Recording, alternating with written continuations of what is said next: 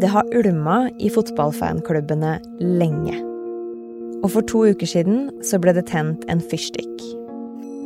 Fyrstikken Superleague, hvor tolv av de europeiske storlagene ville lage en helt egen turnering for herrefotball, utenom det som fantes fra før, og mot fansens vilje. Og på to døgn så feide en storbrann gjennom de europeiske klubbene. Etter hektiske forsøk på etterslukking så ble Superleague lagt død. Og klubbeierne håpa at supporterne skulle roe seg. Men sånn ble det ikke. Hvis ikke de amerikanske eierne på en måte skal si, ser det, diskuterer det og tenker en plan rundt hvordan de skal håndtere det, så er på en måte det bare begynnelsen. Og det opprøret finnes ikke minst hos supportergjengen i en klubb der fansen har vært lei lenge, og som storma sin egen hjemmestadion i helga.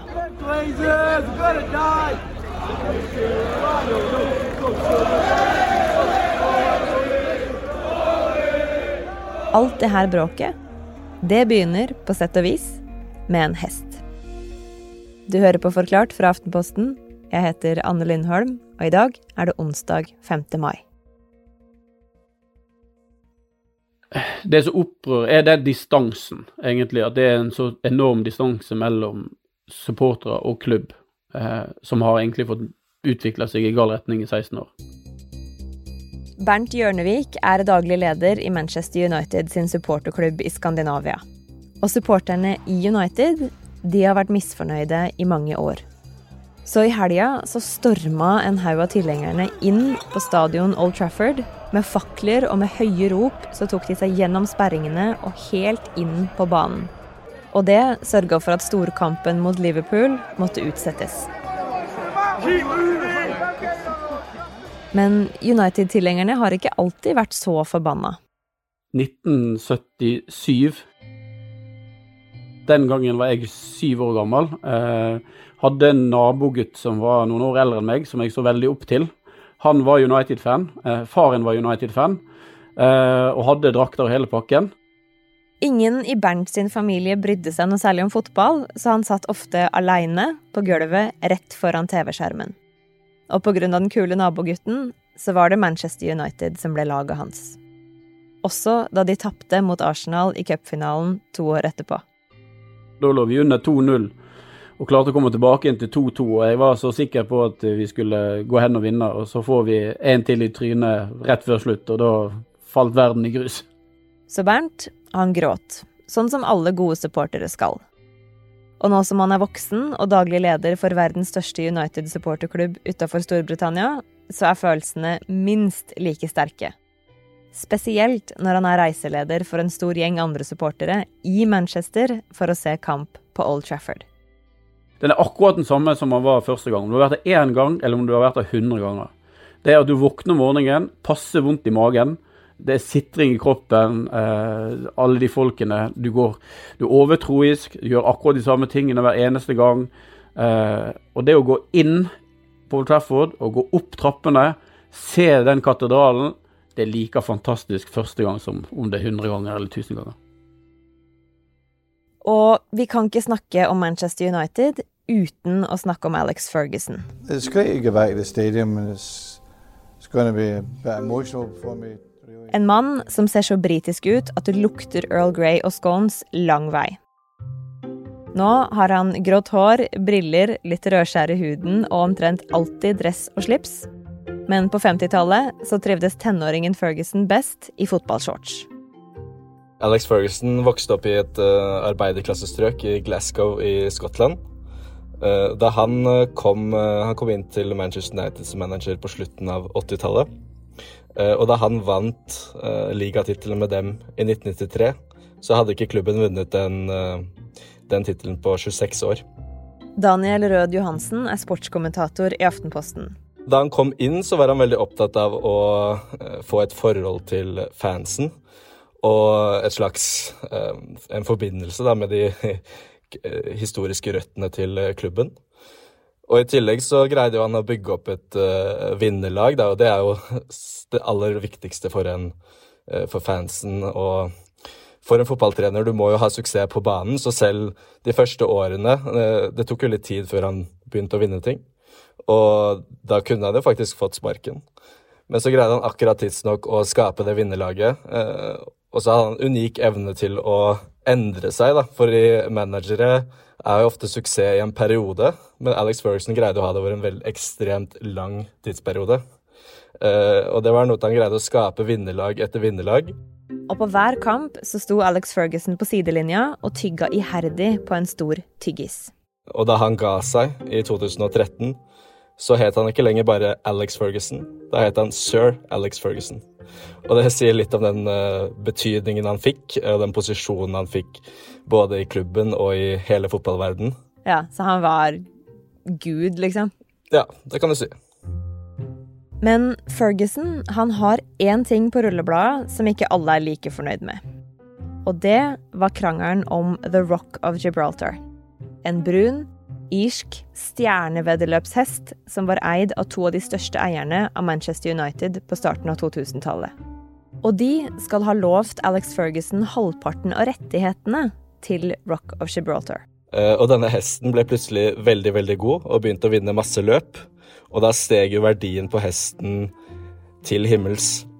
Mot slutten av 2002 skal den faktisk ha vært verdt 50 millioner pund, altså over 550 millioner norske kroner.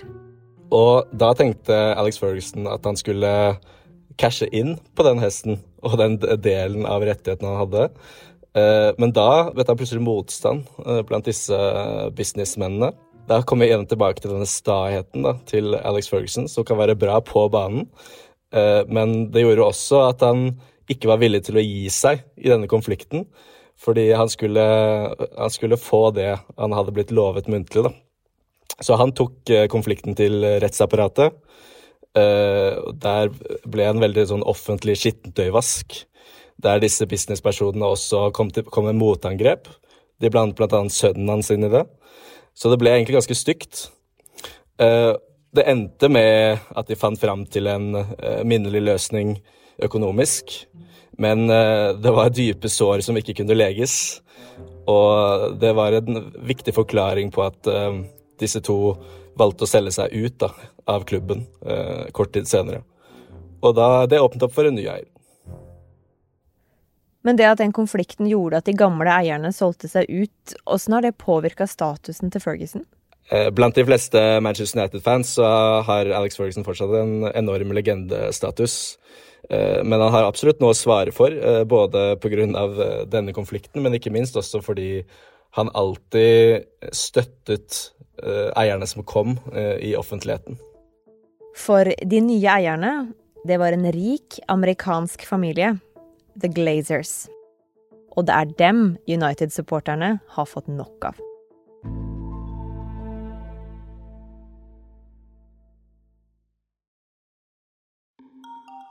Banestorminga i helga ble utført av Manchester United-fans på hjemmebanen til Manchester United og sørga for at kampen som skulle spilles, ble utsatt.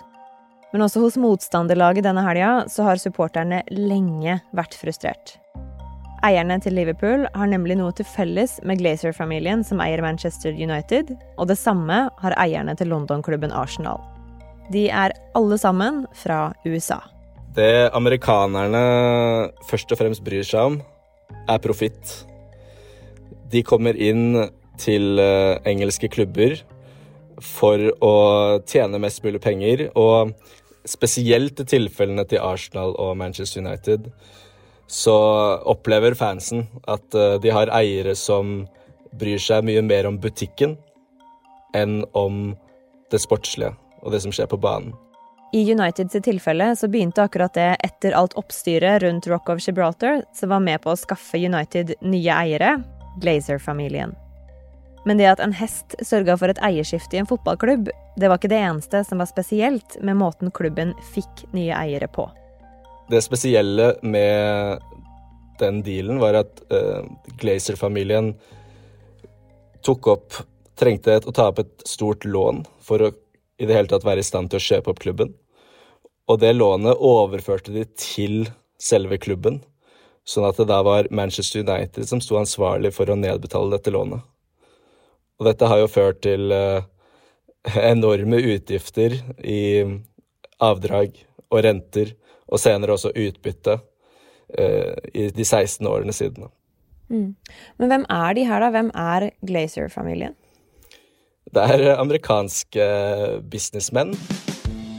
Det var jo far i familien som uh, kjøpte klubben først, og han døde for noen år siden. Da er det seks søsken som står igjen. fem menn, ganske tynne i håret, og én søster. Og det er først og fremst to av disse brødrene som styrer, styrer klubben nå, da. De holder til i Florida i USA. Opprinnelig var familien urmakere og så utvidet de til eiendom. Eh, og nå har de masse forretninger. Eh, så det er, eh, ja, hva skal jeg si, rike businessmenn fra USA som ser ganske annerledes ut og lever ganske annerledes liv enn den jevne fotballsupporter i England. I starten så var det ikke så mye som endra seg når det kom til resultatene på banen. Men etter hvert, og særlig da Ferguson dro, så gikk Manchester United fra å være suveren ener til å bli hengende etter blant annet fordi de ikke kunne kjøpe de dyreste spillerne lenger. En del av de pengene som de tjente, har nemlig gått til andre ting. Som å betjene lånet som Glazer-familien tok opp for å kjøpe klubben. Gjennom eh, avdragene, rentene og utbytte. Og de er de eneste eierne i Premier League nå som faktisk tar ut uh, utbytte fra uh, klubben. Og dette er jo penger som selvfølgelig kunne blitt brukt til å gjøre laget enda bedre, da. Og det er jo det supporterne bryr seg om vi som supportere investerer enorme summer i å på en måte dra over dit. Altså, hvis vi tenker oss som skandinavisk supporterklubb altså Vi har 10 000 reisende vi, til Old Trafford i løpet av en sesong. De skal ha kampbillett, de skal på en måte Og alle handler jo i butikken. Uh, og vi har aktiviteter og arrangement. Så vi genererer, bare vi lille Norge, da, altså i Skandinavia, genererer jo ganske mye penger inn i den klubben som egentlig bare blir plassert uh, i en konto i USA.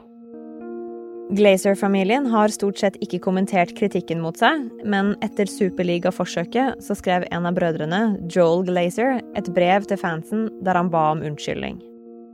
Han skrev at de fortsatt mener at europeisk fotball trenger å bli mer bærekraftig på sikt, men at Superligaen ikke var måten å gjøre det på. Og at han nå håpa å gjenopprette tilliten fra fansen. Men det var jo nettopp Superligaen, hvor supporteropprøret fikk klubbene til å snu, som gjorde at fotballfansen innså hvilken makt de hadde. Bare det å se at det kan ha en effekt. Uh, at disse supporterne som har følt seg overkjørt i 30 år, faktisk har noe å si gjennom sine handlinger, har uh, vekket et slags, uh, et, et slags, håp, da.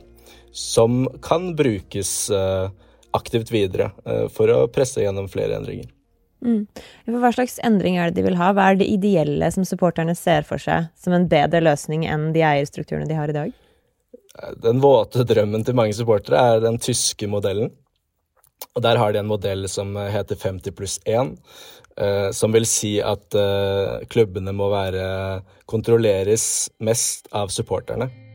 Altså at supporterne alltid har 50% pluss minst 1% til av stemmene på styremøter og derfor alltid har flertall. United-supporterlederen Bernt liker den tanken, men han tror det tar lang tid før Manchester United er der. Det er nok veldig langt fram at, at noe sånt skal skje. Men hvis du hadde kommet i en posisjon der f.eks. at supporterne mye tydeligere ble tatt med i de rette fora, på de rette møteplassene, sammen med klubb, fikk på en måte en, en arena der de kunne uttale seg, eh, og at de, ble ikke, altså de da ble hørt, det er på en måte et godt steg på veien. Men Daniel, det opprøret vi ser nå, da. Tror du det faktisk kan føre til noen endring? Nå har jo utviklingen gått gal vei for supporterne i 30 år. og Sånn sett er det litt vanskelig å tro på store endringer nå. Men samtidig er det tre ting da, akkurat nå som taler for endringer. Eh, det ene er at disse gigantklubbene er i en svakere posisjon. For det, nå har de jo truet med Altså, superligaplaner har vært den ultimate trusselen i, i alt av forhandlinger i veldig mange år. Og nå prøvde de faktisk på det, og de mislyktes. Det gjør at de står i en svakere posisjon overfor resten av fotballverdenen. Det andre er at supporterne har fått ferten av endringer.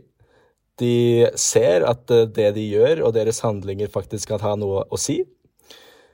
Og det tredje eh, er at politikerne i England engasjerte seg veldig tungt i superligakonflikten. I think that it's a good thing that we've been able uh, to to do things that make it pretty clear that the European Super League is not going uh, be you know, appreciated by the people of this country or by this, or by this government. Og de blir også påvirket av dette supporterengasjementet. Nå snakkes det om å gjøre lovendringer, eh, f.eks. på hvordan skal fotballen styres, hvem skal være eiere og den type ting. Og det er nok eh, vanskelig og langt fram å endre på alt. Men jeg tror det er iallfall et klima nå der politikerne føler et press eh, til å faktisk gjøre noe med dette. Men de store, mektige klubbene er jo vant til å få det som de vil. De vil komme tilbake og komme med nye forsøk. Så jeg vil si at akkurat nå, de neste månedene, så er det et slags mulighetsrom, da, av disse tre tingene.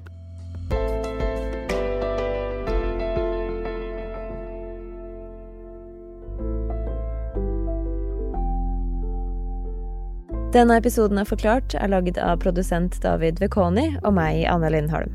Resten av Forklart er Caroline Fossland, Marit Eriksdatter Gjelland, Ina Swan og Fride Nesten Onsdag. Du hørte lyd fra Storyful og Spektiv via nyhetsbyrået AP og fra Manchester Evening News.